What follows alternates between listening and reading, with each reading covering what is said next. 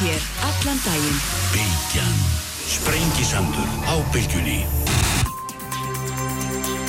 Sæli hlustundur haldum að stað hér sem leðlikur á Sprengisandinum í dag. Hilmar Þóra Hilmarsson verður hér fjallum um alþjóðamáli í lokþáttur að verða hér Vilhelmur Birgisson, Annar Hrefna Ingemyndadóttir fjallum þá um efnahags og kjaramál. Hér verða líka Sigurður Örn Hilmarsson, Helga Vala Helgadóttir, lögmenn um þá að fjalla um þetta uh, umtalaða forræðisteilumál sem að hér hefur verið í, í fréttum undarfarna viku og lögum með því að íslenska konavur uh, íslensk konavar flutt úr landi og sittur í gæsluvarðhaldi í, í Nóri eftir því sem að nýjustu fregnir herma. Uh, en ég ætla að byrja hér með Bári Baldurstóttur Sakfræðingi, sæla blessuð, velkomin.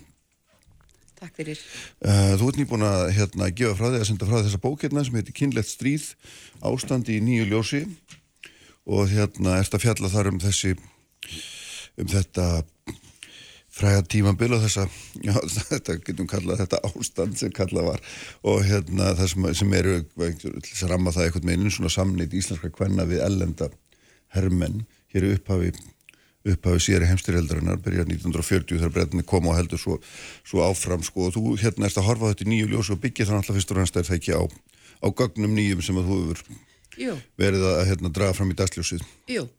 Um, uh, ég er enda búin að vera daldi langan tíma að skoða þetta svona af og til. Mhm. Þetta uh, hófst reyndar uh, fyrst fyrir tveimur áratugum síðan. Þá var ég í, stödd í bandaríkjanum, ég var í námið þar og mér vantaði efni, efni við í mastersritgerð og ég fór þá að skoða þessi mál vegna þess að ég hefði heyrt að því að hér hefði starfað ungmennadómar á strísárunum sem dæmdi unga stúlkur til sveitavistar eða á kleppasvækja mm. hæli og þá fór ég að skoða þessi mál og, og, og þjóskjálfsafni og kannaði hvað til væri á heimildum.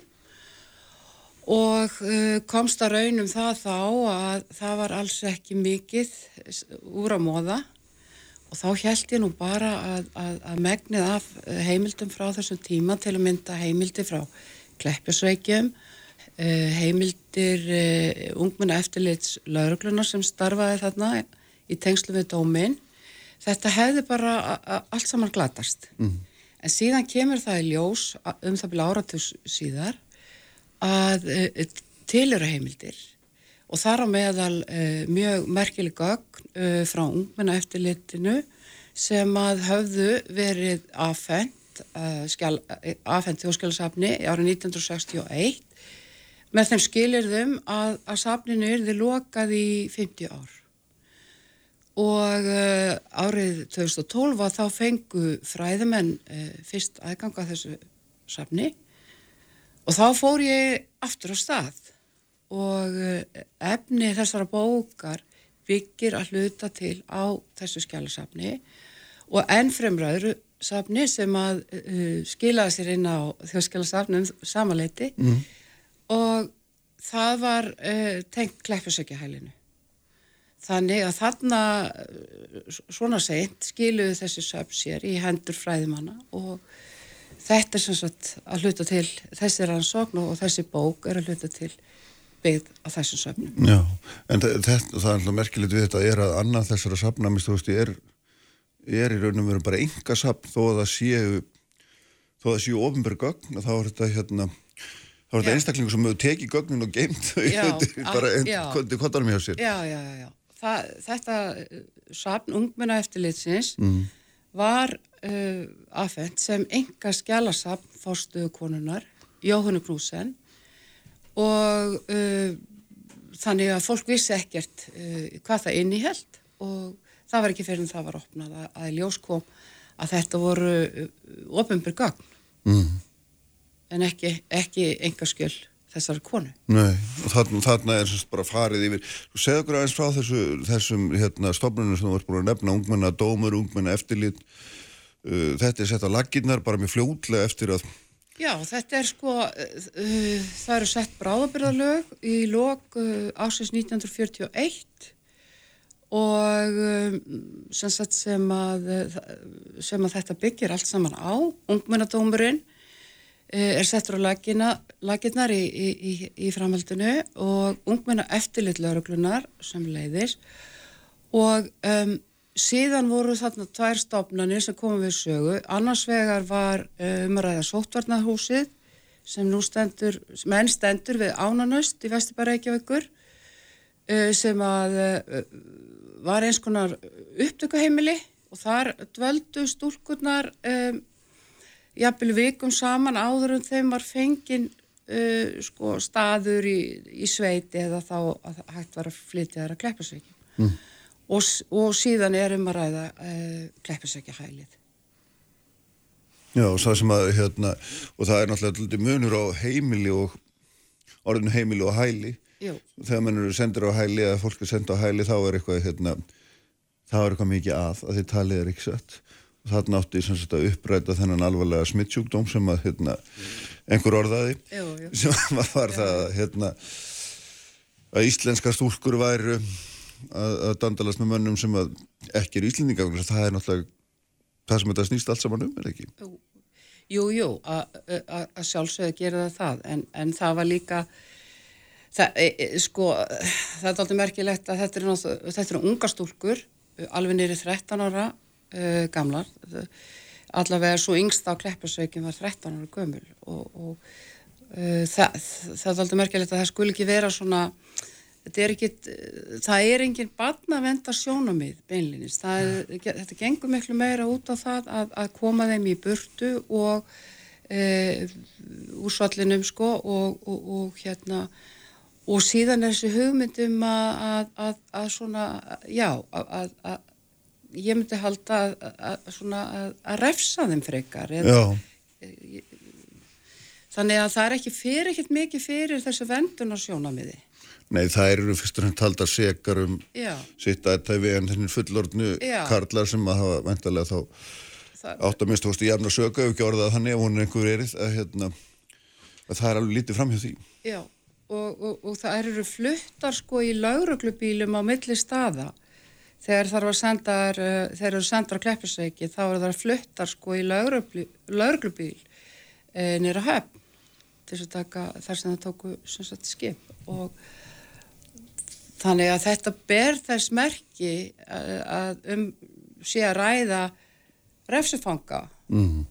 uh, eða margt í þessu ferli lítið þannig út. Já, en það er þetta náttúrulega líka þetta reykja hálfu laurglunar og eftirlit, eftirlitir á hálfu laurglunar og, og það er fylst með fólki eins og það sé að eins og það sé að gera sig hérna sektum refsivert aðtöðu, ekki sett? Jú, jú hvernig svona þetta, þetta eftirlit, þú dregur það líka fram sem ég að stóra merkild að þetta eru eitthvað þúsund konur eða rétt tæplega sem eru á eru skráða niður og maður átt að segja því að Reykjavík var nú ekki fjölmenn á þessum árum. Nei, en sko þetta þetta eh, er sko tvennskonar mm. það er um að ræða um, siðferðisrannsók sem að uh, uh, fór fram uh, voru 1941 og þar var um að ræða svona einhvers konar, já, uh, það var verið að reyna að, að, svona, að, að kortleggja stöðuna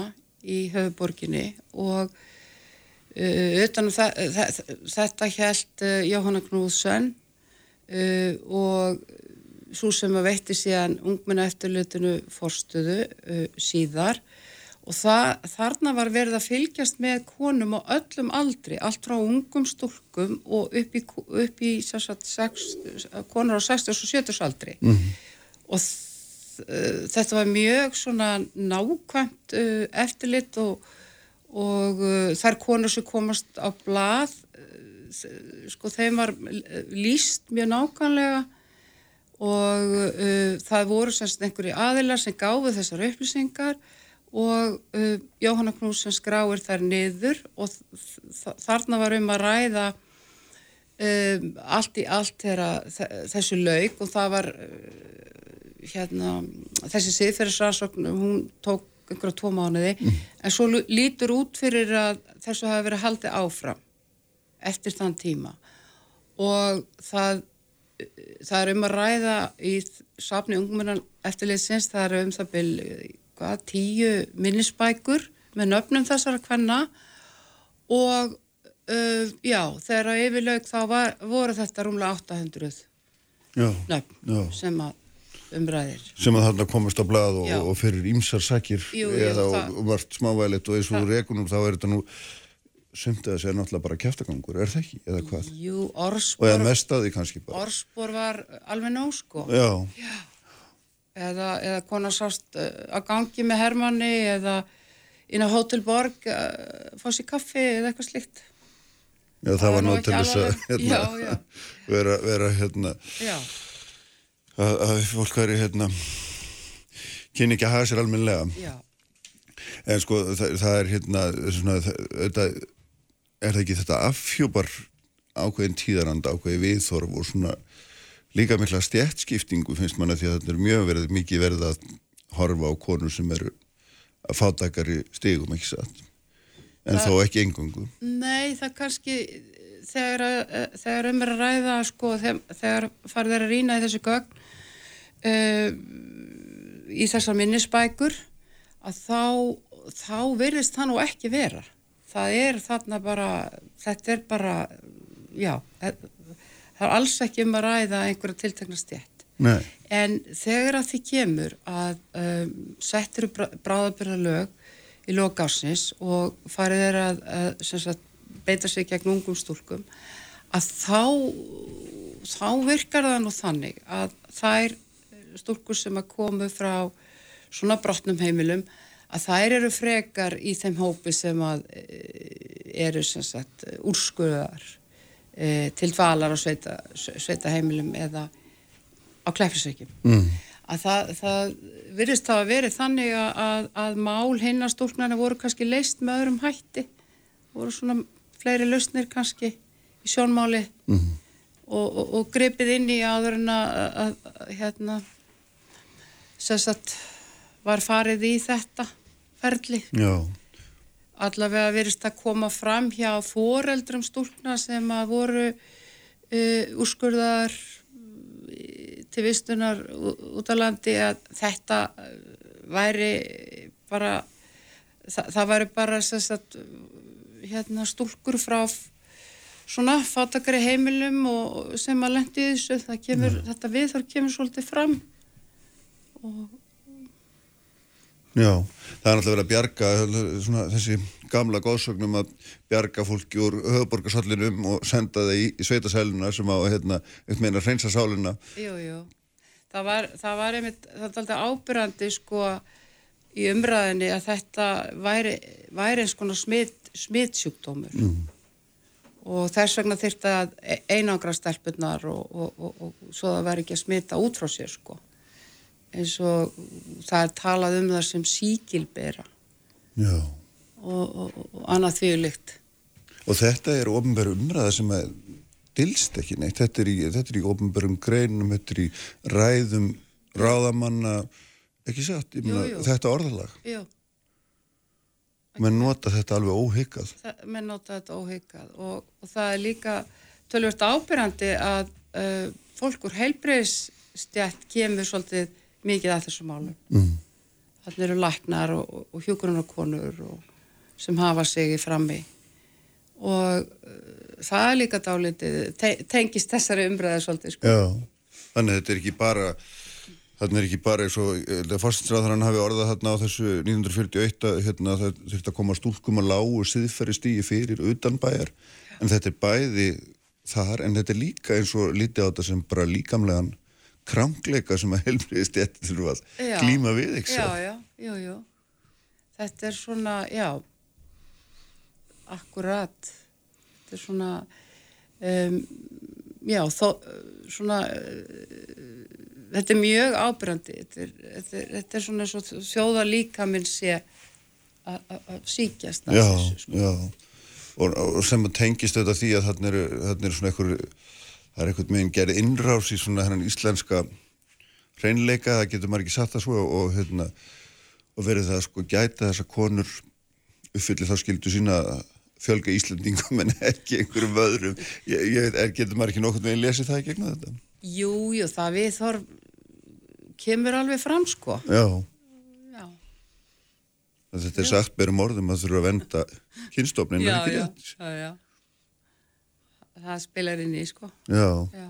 þannig að hérna já, þetta er svona stórmerkileg hvernig þarna hvernig þetta allt saman hérna og, og þessi, þessi menn sem að þetta er, sko, hvernig svona að þínu rannsóknum minna var hvað maður að segja, svona, getur maður sagt svona áhrifa, áhrifamesta fólk landsins, það var eiginlega alltaf einu máli, það voru ekki mjög deilur um það að það þyrti að venda íslenskar stúlkur, það þyrti að geta því að það er, hérna, er ekki fyrir fyrir þessum, hérna, fyrir þessum síklum Nei, það voru ekkert mikla deilur en það, var, það, það voru samt mismunandi viðþorf og, og, uh, og það uh, til dæmis innan, innan kvennarhefingarinnar, þar voru mismunandi viðþorf sem er, sem er í raun og verið mjög áhugavert sko. mm.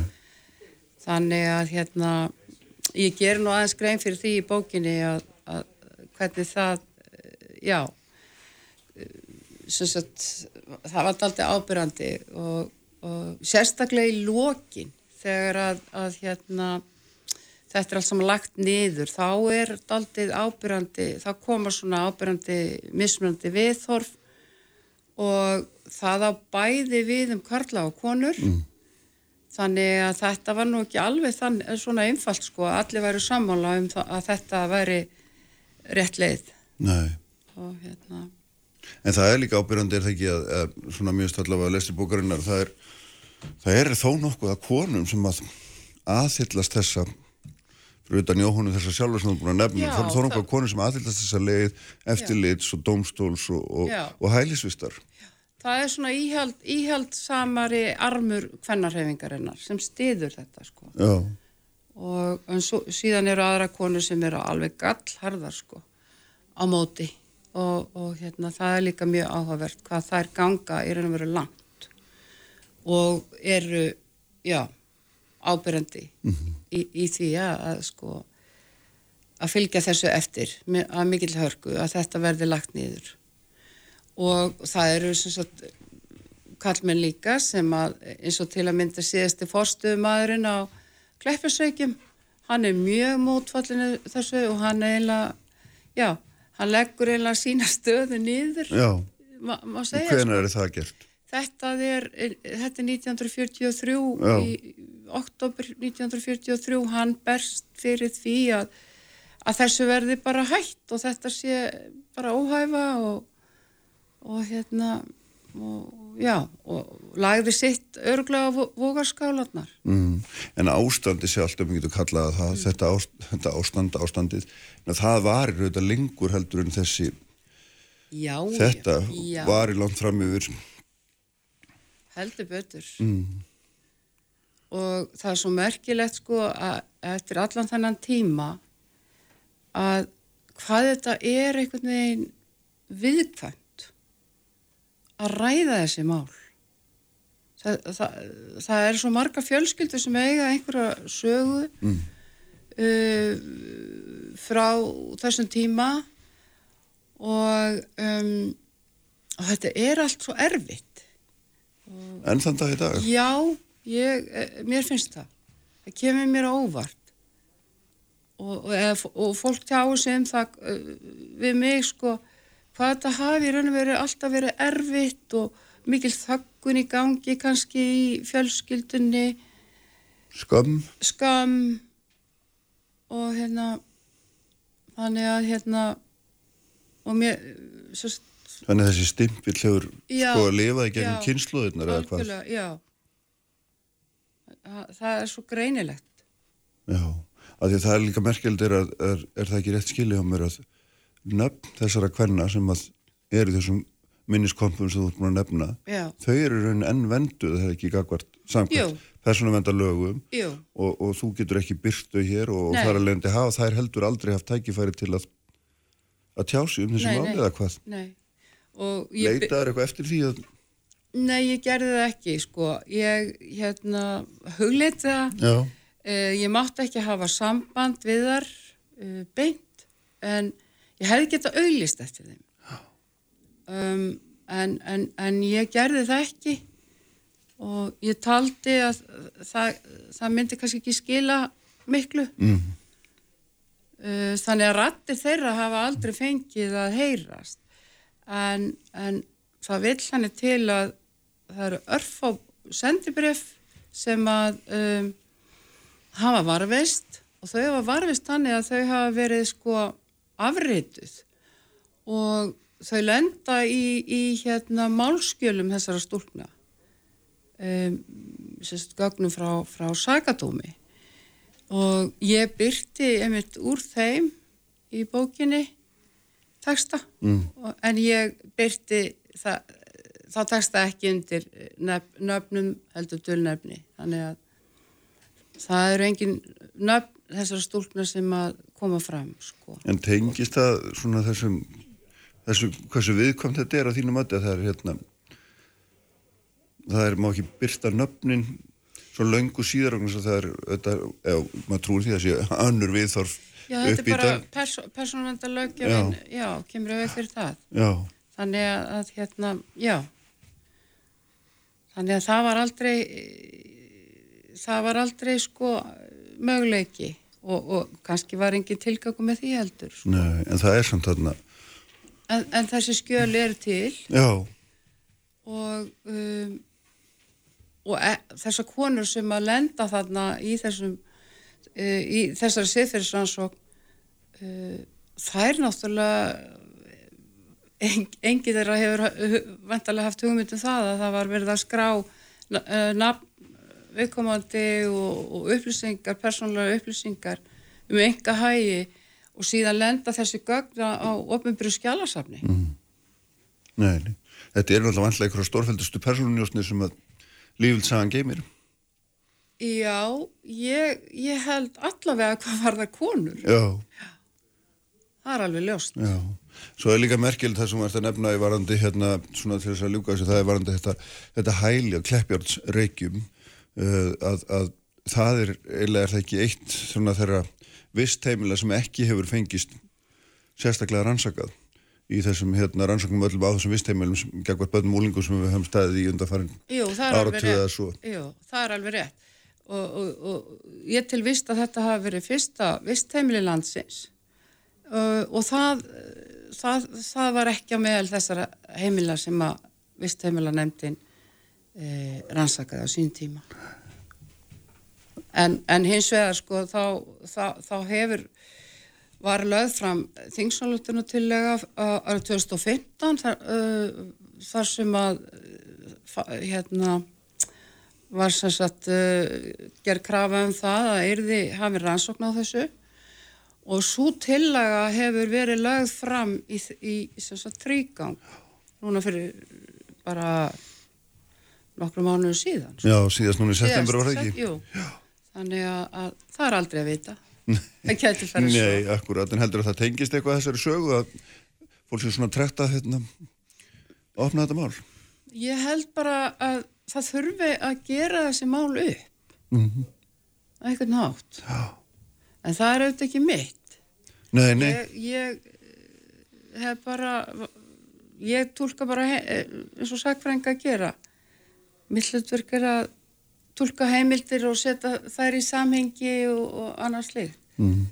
en, en síðan er annara að taka taka ákvarðanum um framaldið hvort að það verði farið út í einhverja rannsókn og eitthvað slíkt Já, en það er alveg, þér er allavega ljóst eftir því sem ég skilst að það er þessum tveimur áratúm eða svo sem höfum verið að skoða þetta hérna, að það er hérna svona þetta kvílir er mjög þungt á mjög mörgu fólki. Það gerir það. Og bara og svona svona afkomendur taka mm. hérna skammina hún, hún yfirfærist yfir á afkomendur. Já. Við erum skera það. Já. Að hluta til allavega. Já, umhvitt nákvæmlega, bestu þakki fyrir að koma bara Kæra og fara yfir þetta með okkur. Þau verða hérna Helga Vala Helgadóttir og Sigurður Örn Hilmarsson eftir augnablík Sprengisandur alla sunnudaga á bylgunni Frettir þjóðmál og pólitík. Sprengisandur á bylgjunni. Sælustendur, uh, bara Baldurstóttir farin hjá mér, Hilmar Þór Hilmarsson verður hér í lok þáttur og þau verða hérna líka Viljálmur Byrkisson og Anna Hrefna Ingimundadóttur eftir aðeins á efnars og kjaramálun. Sestur hjá mér lagmenni Sigurður Örn Hilmarsson og Helga Vala Helgadóttir. Sælu blessu bæðið tvö. Og velkomin. Takk. Helga þú til nýju hlutverki. Uh, og hérna, en við ætlum að fjalla hérna um, um þetta mál sem hefur mikið í fréttum um þessa forræðis deilu milli tekja íslendinga sem búsittir hafa verið í Norri og nú er það þannig að, að konan í málnu, Edda Björk Arnardóttir, uh, hefur verið framseldir Norri og flutt hanga og sittur hægt í gæsluvaraldi og hérna, og, og ég svo sem auðvitað veit að allavega þú Sigur ert ekki mikið inn í þessu máli beinlínis en hefur verið að skrifa um það svona aðeins utanfrá mm. og ég svo sem bara tek undir það, ég er ekki heldur inn í smáadriðunum en, en það er svo margt í þessu sem er svo áhugavert og, og svona og það er svona uh, hvernig réttvísin hefur svona gang mm. hversu langt dómar er að ganga og fólk vil hérna stilla sér upp á mótið þeim og, mm. og taka völdin í sín einn ein hendur og þú varst svona þess að finnast í Sigurður í grein á vísi Já. með að hérna menn fylgir ekki stöðun dóstóla Já, mm. Nei, ég sá ástæðu til þess að stíga eins niður í þessu umræðu. Um, aðalega vegna þess að ég fann mig einhvern veginn í þeirri stöðu að, að í það minnsta þess að skoðanir orðræðan eins og var var svona á skjön við þá samfélagsgerð sem að ég tel að við eigum að búa við.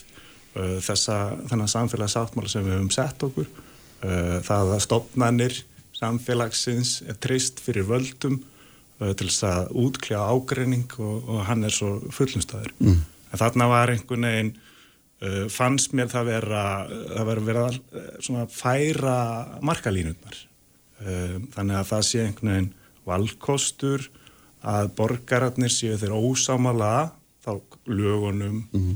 niðurstöðum þessara stopnana, að þá getur þeir bara sjálfur stíð inn í krafti bara já, eins og ég efnið þarna það er það sem er óttast mm. í krafti þess að nefaréttar við viljum já. ekki að, að, að staðan sé, sé svo ég taldi að ástæða aðeins að, að minna einfallega á þessi grunngildi sem við búum við. Mm. en ég tek það fram eins og ég gerir endar í, í greininni sjálfri. Ég er ekki inn í þessu máli. Þetta er auðsýnilega harmleikur uh, mjög slæm forsjár deila sem að hérna, hefur einhvern veginn verið mikið í, í fréttum en ég aftur, ég þekki málið ekki Nei, en, en einhver staðar verður fólk að hafa lefi til þess að viðra sínu skoðun og við þekkjum líka eitthvað sem kallast borgarlega óhlýðni og mm -hmm. réttu til mótmæla og hérna, við verðum nú að verða rétt fólk til þess að andæfa yfirvöldum því ekki eru þau alltaf óskegul Heldur betur, við búum við þá samfélagsgerði, þetta er líðræðislegt þjóðfélag, hér er mm. gengið til kostninga reglulega, þar á milli geta borgararnir auðvitað neitt tjáningafrelsi síns, tjáð sig með skoðunum, orðræðu, greinum, öðru slíku, mótmælt með hvössum hætti. Mm. Það er bara líðræðislegu réttur fólks. Þú nefnir hér borgarlega óhliðni, hún er svo sannarlega til uh, hefur hérna á sig bara ríkan stað í mankinsögunni uh, sérstaklega á 20. öldinni uh, og, og, og 21. öldinni líka borgarlega óhlýðinni gengur eins var út á það að þú, þú mótmæli kannski ósangjörnum lögum mm. með því að brjóta þau en taka svo afleðingunum það er sko, skilgringar aðri borgarlegar óhlýðinni mm. Helga Vala hvað, hvað Já, uh, já, kannski fyrst vil ég segja að ég hérna, hef kynnt mér þetta mál mm. mjög vel mm. frá mm. Adilu bara svo því ég sé haldið til haga og lesið uh, úrskurðið dóma álit og, og svo framvegs uh, þannig að hérna það er ýmislegt þarna sem að ég hefði vilja að Sigurður sem formadur lögmannafélagsins hefði bent á í greinsinni mm. þar sem að ekki er einmitt verið að gæta réttinda þess sem borin er sögum. Uh, í máli ettu þá var það þannig að, að, að þessi handtöku skipun og framsalsbeðni byggir á því að það eigi einhvern tíman í framtíðinni að, að höfða mál gegn henni og hún þurfa að mæta í fyrirtöku í Noregi uh, við þing, uh, þingfestingu þess máls. Uh, það liggur fyrir að hún er með lögmenn í Noregi, lögmann í sakamáli í Noregi og er með lögmenn á Íslandi sem að geta tekið á móti bóðun í e, við þingfestingu og það þekkjum við bæði sem mm. lögmenn að ef ekki næst í aðilan að þá geta lögmenn tekið á móti það var ekki gert í ágúst hún var ekki bóðu þá hún, hún var búin að segja að hún myndi mæta en það var búið að fella niður ákverðun um e, fella niður dagsetninguna þannig að hún fer ekki í ágúst uh, uh, til þess að fara í þingfestingu á þessu máli sem að varðar það þegar hún flytur drengina brott frá Noregi og það er heldur ekki búið að gera það núna. Það er ekki búið að ákveða dagsetninguna á því þegar að það mál verður þingfest í Noregi.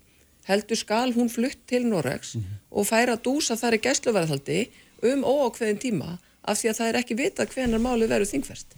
Það sem gerist svo í gerð morgun til dæmis, sem að ég hefði líka vilja sjá Sigur Örn benda á í greinsinni eða í komandi greinum og komandi umræðu, er að sá lögmaður í Noregi sem að gætir hagsmuna hennar í sakamálnu sem að búin að melda sig inn við domstóluna, hann óskað eftir að verða skipaður verjandi hennar ef til þess kæmi og hún er þið flutt út. Hún var ekki gert viðvart og hún var komin út. Mm -hmm. Þannig að hún fær ekki notið þess að hafa verjanda sér við hlið þegar tekin er ákverðunum að vista hana í 30 daga gæsluvarhaldi þar sem hún fær eina máltíð á dag, þar sem hún fær að ringja einu sinni viku í fjölskyldu sína og óvist er hvenar uh, hérna, málið verður þingfest í Norri. Já, þetta... þetta myndu við lögmenn, mm. alla jafna, telja bara brota á hennar réttindi sem, sem sagbortning í málunu. Mm. Það er bregðast þessu. Já, já, sjálfsög. Sko, um, ég held að það sé bara holdt, ég ger nú ráð fyrir að þú sé búin að lesa greina mína. Já. Og hérna... Flott greinin... og lístir þarna vekk myndin í hæstarétti. Já, en hérna, greinin er ekki um þessi atriði sem Nei. að þú ert að vísa til. Hún er ekki um sérfræði skýstur í... Já, en það hlýtur að vera þannig að ég sem lögmaður og líka þessari stöðu sem ég gegni geti skrifa grein eins og ég gerði um að það sé ekki réttvang, rétti vettvangurinn fyrir það að útkljá deilur okkar á einhverju vextlóða við hómseiði, mér mislíka það. Og ég hef af þessu áhyggjur. Mm. uh, þú veist, samfélagið okkar er að polariserast ekki bara hérna á Íslandi heldur út í hinnum stóra heimi. Þú veist, samfélagsgerðin okkar er ekki einhver fasti, hún er undir árásum á hverjum degi. Uh, í bandaríkinum er það þannig að 70% republikana telja að, að hérna, Trump hafi unni kostningan það hafi einfallega verið ólunlegar mm. 30% bandaríka manna, rúmlega eru bara þeirra skoðan og svona er þetta milja undan samfélagsgerðin okkar. Og mér fannst rétt að minna á þarna. Þetta getur allt sem hann verið rétt sem þú ert að nefna.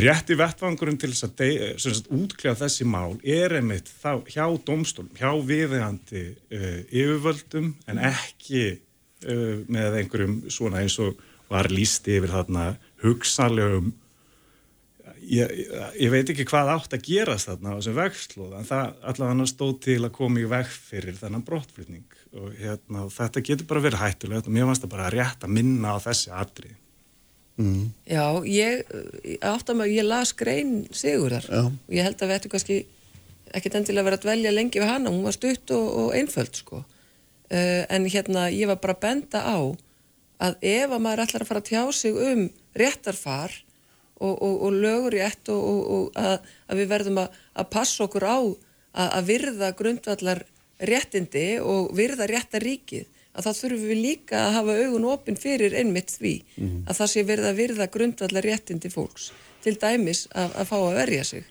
af því að uh, það er margt í þessu máli sem að maður, ég og greinilega aðrir og ég ætla bara já, að, að klára þetta því að meðal þeirra sem að voru þarna á þessum vextlóða mm. ég meina ég efast um að e, fyrfirandi dómari sem að þarna var stattur eða, eða lögmenn sem ekki koma að þessu máli sem að voru þarna bara sem að misbýður í rauninni þetta en við spýðum mannum það sem er að gerast á Íslandi þar að segja við íslenski yfirvöld séu á Íslandi, því að þarna var alveg ljóst að það var ekki komið niðurstað til dæmis í landsrétti mm -hmm. varðandi gæsluvarhaldskröfu yfir henni Þa, það var enþá verið að býða eftir niðurstöðu fyrir íslenskum domstólum um hvort að rétt væri að, að, málum, mm. að málum staðið þannig að það var auðvitað líka verið að, að mótmæla því nú hefur ekki til dæmis verið rætt við þess að drengi sem eru orðinir freka þroskaðir tveir að vera 13 ára og einn 10 ára það verður ekki verið rætt við þá síðan að hálfu íslenskra yfirvalda já, að hálfu íslenskra yfirvalda síðan í ágúst september 2022 og í því hvað það var það mm. þá er það líka brot á barnalögum og barna, lögum um réttindi barna barnasáttmála saminuð þjóðana þannig að það er alls konar svona hlutir sem ég held að væri gott ef að lögmenn myndu vekja aðtikla á en ekki bara henni borgarlegu ólíðinni sem áttur í stað við hennan vextlóða. Mm -hmm. En ég meina við höfum þetta kannski ólíkan smekk bara. Já, já, ég meina, það er margt sem Helga Vala tælar upp sem er kannski ekki bara tengt þessu máli, heldur bara almennt um það hvernig á þessu haldið mm -hmm. sem er hérna, áhugavert að spyrja það líka um, sko, finnst þér vera vel á þessu haldið svona, ég veit þú þekkir ekki málavöxt og allt það er er sangjart að senda manneski burt og áður en að landsrætturinn er búin að kveða þessum dóm og svo framvegis sko eru íslenski yfirvöld og passív, eru þau afskiptalauðs eða Já, aftur sko, ég, ég held einhvern veginn að við varum hérna mætt til að ræða þessi prinsip já, sem ég var að, að minna á hérna, já, í, í greininu en ekki málið sjálf. Mm -hmm. uh, ég hérna, veit ekki betur eins og að landsveitur hafi nú hverðið svo upp sinn dóm þarna efnislega uh, síðan um daginn, það er ekki rétt. Var hann til gæsluvarhaldið? Það hefur þá verið eftir að búa að vera að flytja hann út. En það gekk, það gekk dómur um það. Mm -hmm. þannig að það þarf alveg að halda, halda þessu til haga. Ég sko bara ég vara við því og mér finnst það rétt uh, mér finnst það líka nöðsilegt að, að vara einfallega við þessari vegferð. Hvað ef svo ef að niðurstaðan í þessu máli væri bara einfallega omvend að hérna móðurinn hefði fengið börnin uh, en fadurinn væri að beita öllum þessum ráðum. Væri allt þetta fólk sömu skoðunar? Ég held bara ekki. Og, hérna, og þess vegna erum við búin að setja okkur reglur og mm. lög um þetta. Uh, við erum með sko, ákvæði í stjórnarskráni, við erum með barnavendar lögjöf, það viljaðu þetta allir taksmunir barnana að vera í algjörum forgangi. Uh, ég hygg að okkar lögjöf sé ekkert svo frábröðin því sem að viðgengst í, í Nóri.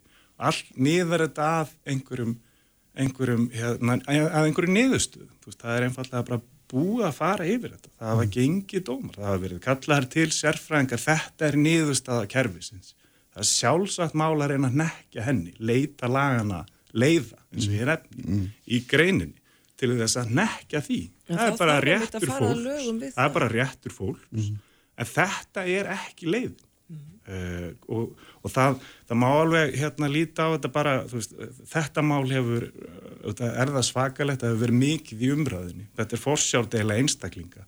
Þessar deilur eru oft mjög erfiðar, Já, það eru mjög algengar þetta er ekki eina svona máli uh, og það skiptir bara að mínu viti máli að hérna að, að, að menn svona uh, fylgi lögum og reglum. Ekki ekki krafti sko líkamleira stöðu sínar á einhver vegslóða. Mm. taki sér réttin í, í sínar hendur. Og það er bara hættulegt þegar borgararnir fara að stundast líka sjálftúk mm. og þannig getur bara molnað hægt og bítandi undan, undan okkar samfélag. Og þetta er, er að gerast einhver leiti hér á landi, ekkert bara í tengslu fyrir þetta mál heldur sjáum þetta í, í bandaríkjunum, Evrópu mm. og ég hef bara af þessu áhyggjur. Og ég var að minna á það í greinni og ég ávægilega geta gert það án þess að hafa skoðað öll dómskjölinn í málunni eins og þú hefur gert. Já, algjörlega. Ég, ég er ekki að tala um það og ég er ekki að taka af því tjáningafræðsið mm. en það vissi ég í rauninni ekki að ég veri komin hérna til að ræða grein sigur þar mm alveg eins. Ég benti ykkur nú báðum á það hver, hver er því viðmælinn ykkar. ég, ég held að hérna, við varum bara að ræða um, um, um utanumhald þessara mála en já, þetta tengis náttúrulega allt saman. Já þetta já, tengis náttúrulega þess vegna er ég að ræða þetta út frá réttar öryggi einstaklinga. Veist ég er að flagga því og, og segi var ekki verðt að gefa því gögum og það væri gott að heyra kannski líka bara þú veist, ég held að Sigur hljóta að vera sammála því að það verður að gæta réttinda þessara batna mm. og fá fram afstöðu þessara batna á hverjum tíma mm. eins og lög á Íslandi segja tilum og það hefur verið vanrægt af domstólum á Íslandi frá því í ágúst-september 2022. Það er búið að eiga sér stað margt síðan þá mm. en það verður enginn ennþá tala við börnin síðan þá. Hvaða afstöðu, hvernig gengur þeim og svo framvegis. Og ég held að Sigur hljóta að vera sammála því að það eigi að fara lögum þarna þegar að um er að ræða svona mikilvæga hagsmunni eins og réttindi þessara batna. Ef við tökum bara aðeins foreldrarna út fyrir sviga, mm -hmm. að þá er e, sko síslumadur til dæmis núna, hann getur ekki haldið áfram með aðför og, og sótt börnin af því að uh, sá einstaklingur sem að aðförin beindis gegn gerðar þóli í málinu það er búið að fjarlæga þann einstakling af Íslandi. Þannig að núna þarf að fara í nýtt aðfararmál til dæmis til þess að fá börnin afhend. Það liggur alveg ljóst fyrir og það er mm. hæstiréttur hefur kveðið upp það, þann dóm fyrir nokkrum árum. Það er ekki þetta beina bara aðförin áfram að einstaklingi sem að núna er í gæsluvarhaldi úti heldur þarf að höfða nýtt mál hér og þá segja lögin það að það er ekki hægt núna af því að þeir hafa verið svo lengi á Íslandi að þá er bara fyrir miður, tímin er, er runnin út og í hvaða stöðu eru við þá? Meni, það, það eru bara, þetta er ekkert einhvern veginn eitt einstakt. Það við verðum, um leið og við erum að tala um að fólk með ekki sapnast saman á vextlóða, ég meina það hefði aldrei eh, þú veist, ég meina þetta, þetta verulega fólk hefði ekki farið að gera neitt af sér. Bændur í Fraklandi hafa held tómutum á gödurnar skiljiði þegar þeir mótmæla. Og ég menna fólk sapnast saman hérna á Östuvelli til þess að mótmæla eh, einhverju. Við erum að gera það alla daga og það, fólk hefur verið handtekið við mótmæli. Það er eitt slíkt mál í Strasburg núna þegar fólk var að mótmæla fyrir utan dónsmálraðundið og inn í dónsmálraðundinu. Mm. Þannig að við erum með alls konar svona fordami. Mm. Auðvitað misbýður einhverjum að, að fólk skuli mótmæla mm. og auðljóslega þarna líka en ég menna það, veist, það er líka ákveðin uh, réttur til tjáninga mm. og fólk verður þá bara að mæta afleiðingum og taka afleiðingum þess ég, veist, það er bara þannig já. og þetta fólk hefur öruglega gert það ef það hefur verið handikið Ég hérna, þekki þessi mál mjög vel, ég hef mm. kent tjáningafrelsi mm. og réttin til mótmæla og flutt bara tölversta dómsmálum um nákvæmlega, nákvæmlega þann rétt uh, sko, ég er nú ekki svo viss um það. Um, það, það var bara yfirlist að átt að stöðva þannig flutning og hérna annað sem að þetta er þau eru ekki á brennvörðum bílum. Já, já en, en, en sko bara ef að bara sko, veist, þetta er ekki bara hér er ekki einfallega verið að mótmæla niðurstöðum yfirvalda. Þetta mál hefur gengið miklu lengra en það. Veist, það, veist, móðurinn fór og sótti börnin Erlendis í engaflugul mm. er, er, er einhver mótmæli fólkin í því? Hæ, ég skil ekki Ég er að spyrja, það er bara einhver spurning er, er við erum ekki að tala um réttin til að mótmæla. Nei, það er fólk að taka lögin í sínar hendur. það, Já, ég menna hún er að mæta afleiðingum þess núna í Noregi. Já. það er verið að fara að rétta yfir henni í mm. Noregi fyrir það. Mm -hmm. Já. Já. Það, það það er bara þannig. Ég meina, fólk mætir bara afleiðingum þess. Já. Ég meina, hún, hún taldi sig á þeim tíma verið að gera það sem að var börnum sínum fyrir bestu hvern, hvernig á fólk að bera hand fyrir höfu sér eða telur sig órétti beitt mm -hmm. uh, og hérna og telur nýðustöðu samfélagsstofnarna sem að þú vildir halda saman vera svo mm. augljóslega ranga hvernig, hvernig hérna og réttarúraðanum er þau eru þurra í sín Ég, ég er endur ekki svo vissum að réttar úrraðin séu þurra auðsin. Allt miðar þetta að því að, mm -hmm. að komast að einhverju niðurstöðu. Uh, þá einfallega að leita, eins og segi, lagana að leiða til þess að fá hana fram hvort sem að er hérlendis eða erlendis. Uh, þannig er það líka með þessi uh, badnamál, forsjármál mm. og annað sem er allþett í fræðanu vilji barnana hefur meiri þýðingu eftir því sem þau eldast og svo framvegs og framvegs.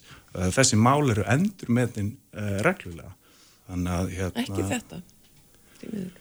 Og, og, en veistu af hverju það er? Nei, því hefur bara ekki verið sint. Því hefur bara verið hafnað uh, uh, af þessum sömu stjórnum. En nú er náttúrulega... Það er, það er, mm. það er rauninni En hver, hver, og við hljóttum að meiga að gaggrýna það já, já, við, já. Veist, við erum borgarar mm. við, erum, við erum hérna bæði lögmenn og borgarar og við hljóttum, bara réttið sem maður hefur séð þetta, Sigur gerir gegnum tíðina að hann er ekkert alltaf sammála öllu sem að kemur frá stjórnvöldum eða kemur frá domstofnum hann, veist, við, við missum ekki tjáningar rétt okkar eh, veist, við það að starfa við þetta það eru þarna álita efni sem að ég tel bara á mjög gráu svæði af hálfu dómstólan. En telur þú að íslenski yfirvöld eigi með einhvernum hætti að ganga inn í uh, mál þó þó að gangi þvert á nýðustöður í dómstólu til dæmis eins og í Noregi sem er eitt nánasta rík ísling og við erum hérna vinnu með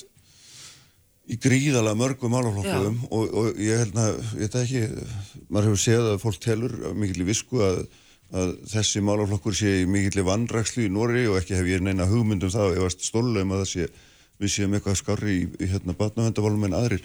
En, en ég meina, hvað eigum við að, af hverju eiga Íslands stjórnveld að blanda sér í mál sem að er svo auðvitað búið að útkljá? Já, sko það eru, það eru nokkur álvita efni þarna mm. undir. Í fyrsta lagi er frum uh, dómurinn í málunu, eða það er enda bráðabörjar úrskurður í málunu uh, um það að, að fadir fari einn með fórsjá. En, en á, bitu, já, byt, nei, byttu aðeins, að ég, var, ég var ekki bara að spyrja um það, ég er að spyrja það af hverju Íslands stjórnmál... Nei, af því að þú varst að spyrja hvort það verður ólíkt á Ísland og Noregi, mm. þar til dæmis er frum heimildin í málunu 2019. Spurningi var dómur, meira um það, hva, að hvað leiti Íslands stjórnmál eiga eða Já. hafa rétt til þess að blanda sér í mál sem er í öðru ríki sem við viðkennum fyllilega sem Já, hérna líðræðis og, og rétta ríki skilur um mig. Já, algjörlega. Mm. Uh, við uh, erum líka með lög á Íslandi sem eru barnalög og lög um réttindi barn sem er byggt Já. á uh, barnasáttmála saminu þjóðana og þar er skýr ákveði skilda á íslensku stjórnvöldum að kanna hug barna og, og miða mál út frá því sem er barni fyrir bestu til dæmis það og ég hef mynd, minnst á það áður hér í þættinum að, að þetta hefur verið vannrægt núna mm. uh, í nokkuð langan tíma. Það var síðast rætt við drengina í ágúst-september í fyrra og þeirra afstafa og matsmannsins sem að uh, tók skýslu af þeim öllum þremur var svo að það væri hagsmunum þeirra fyrir bestu að þeir fengi að vera hér á Íslandi. Já. Það var ekki farið eftir þessu. Og þá veltum að fyrir sér hmm, byrju hvernig stendur á því að það er ekki farið eftir þessu í þessu máli, máli svo er það þannig að frumgagnir varðandi það að hann en, far með forsjá já. var gert án þess að hún var í viðstönd en prinsipélt er það þá þannig að Íslands stjórnvöld eiga endur skoða ákvarðin norskra yfirvalda. Nei, nei, nei, nei, nei, nei. Þau endur ekki að segja það? nei, að, þetta eru ólík mál þetta var ekki forsjármál sem var hér það var mál mm -hmm. um afhendingu barns á grundvelli forsjár uh -huh. sem var ákveðin í Norri þegar að búið er ákveða að hætta við að afhenda börn á Íslandi af því að matsmaður sem er sérfróður mm -hmm. í mhm. málefnum batna metur það að það sé vond fyrir börnin að vera sendt aftur að það sé í þeirra haga þau séu hér að það sé í þeirra haga að það sé lustað á þau að þá á uh, afhending á börnunum samkvæmt þessum hagsáttmála sem við erum aðeinar að ekki að eiga sér stað á grundvilli þess mm. er hægt að höfða nýtt forsjármál til þess að kanna hvort að endur skoða eigi forsjá barnana. Ef að niðurstaða úr slíku forsjámáli er því svo að fadir færi áfram eitt með forsjána, að þá er það niðurstaðan í því máli á þeim tímapunkti. En þetta var niðurstaða sérfróðs með, uh, hérna, matsmanns Já. sem að rætti við drenginni fyrra og það hefur ekkert verið rætt við og síðan þá. Það er næstu eitt og halvt ár síðan. En, já, þetta ég... er bara staðan. Og það er þetta já. sem ég set ég, ég sko þekki ekki þessa foreldra. Nei, nei, nei, nei við erum ekki að tala um nei, það. Nei, en ég er bara að segja, ég bara er að horfa á gögnin fyrir fram að mig. og maður verður að treysta sérfræðingu sem kom á málunu mm -hmm. sem er algjörlega kristalskýr og það kemur fram í domnum að því ég er bara að lesa gögnin. Það er bara það sem ég er að horfa á En væri þetta þá þannig að, að því þú ert aðeins búin að flækja hausina mér núna í, í mismunandi hérna, útfærsluðum en þá er þetta hannig að sá sem að fengið þau úr forræðið í Norri uh, tekinir á honu börn þau fluttingað, Íslands stjórnvöld segja það bara eitthvað og við komum til að sitja bara eftir út í Norri og er bara, getur ekkert gert eða, eða það, ég, ég það, getur, það getur gerst Já, það getur sannsagt gerst, já. Nei, það, það, getur, það getur gerst. Það getur gerst, já. já, já. Ef að en þá er þessum er Íslands stjórnvöld búin að fyrirgjöða en ég bara, er það þá ekki búin að endur skoða ákvörðu normanna? Er það ekki þá orðið þannig? Nei, það er ekki, uh, sko, forsjármálið sjálft er ekki endur skoðað á þessum tímapunkti. Heldur bara þessi spurning hvort að eiga að aðfenda börnin tilbaka. Mm. Það er þetta, mm. þessi hag... Já hérna, þetta, þessi hagsáttmáli mm. Það var svolítið áhugaverð sem varst að nefna með ef þetta snýri öfugt já.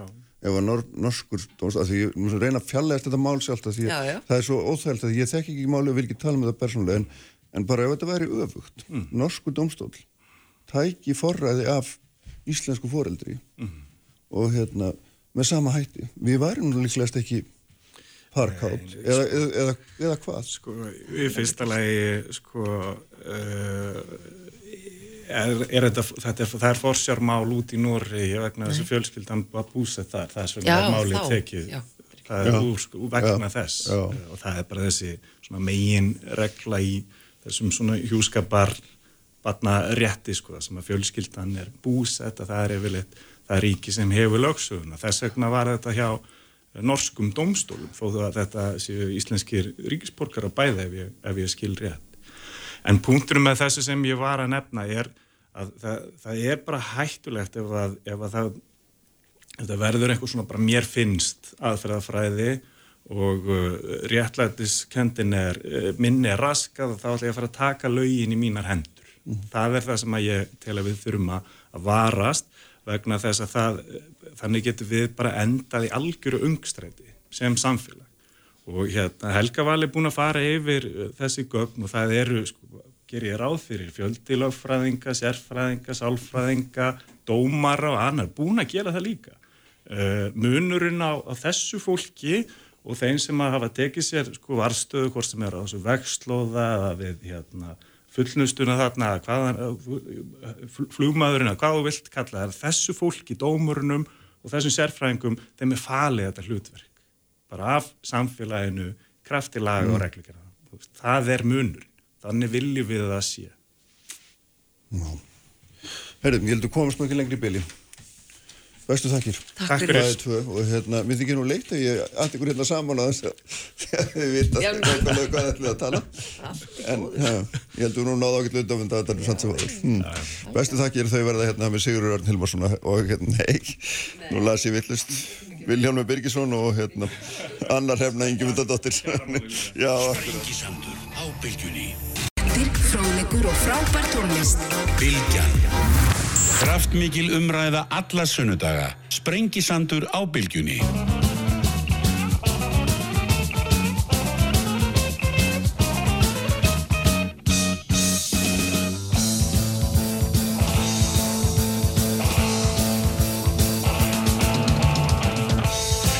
Sælfæstundur, uh, þau eru farið frá mér Helga Val Helgadóttir og Sigur Örn Hilmarsson. Uh, Hilmar Þór Hilmarsson verður hér í lögþáttar fjöllum þá hann Málþjóðamál, sestur í hjómi Vilhelm Birgisson, formar starfgræna sambandsins og annar hérna Ingemyndadóttir sem er aðstofafanglastur í samtaka aðunlífsins. Sælu blessu bæði tvö, velkomin. Takk fyrir. Ég hef auðvist þetta sem efnahags og kjaramál, það er engi líf hérna. Aðeins að tala um það hérna Vilhelm, þið, ef þú byrjar aðeins að, að sko, þið hafi verið að lýsa því yfir að þið viljið svona býða átækta, fá uh, aðgerðir eða yfirlistra aðgerðir frá stjórnmöldum, sveitafjölugum, fyrirtækjum, ríkinu, áður en að samiverður, býða að sjá hvort að aðrir tilbúinir með eitthvað útspil mm -hmm. ekki satt? Jú, það er alveg rétt mm. og við höfum svo sem verið að rýna í þetta á vettvangi Alþjóðsabars Íslands, mm. heildar samtökin og við það borðið setja formen landsabandana á samt uh, stæðstu félagunum séum eitthvað 7-8 sem að koma þessu og það er bara samráma álit okkar núna að það er raun og verið skipt ekki máli hversu margar krónur við semjum tilanda okkar fólki ef að e, allt annað hækkar um miklu meira heldur þar sem við erum að semjum mm -hmm.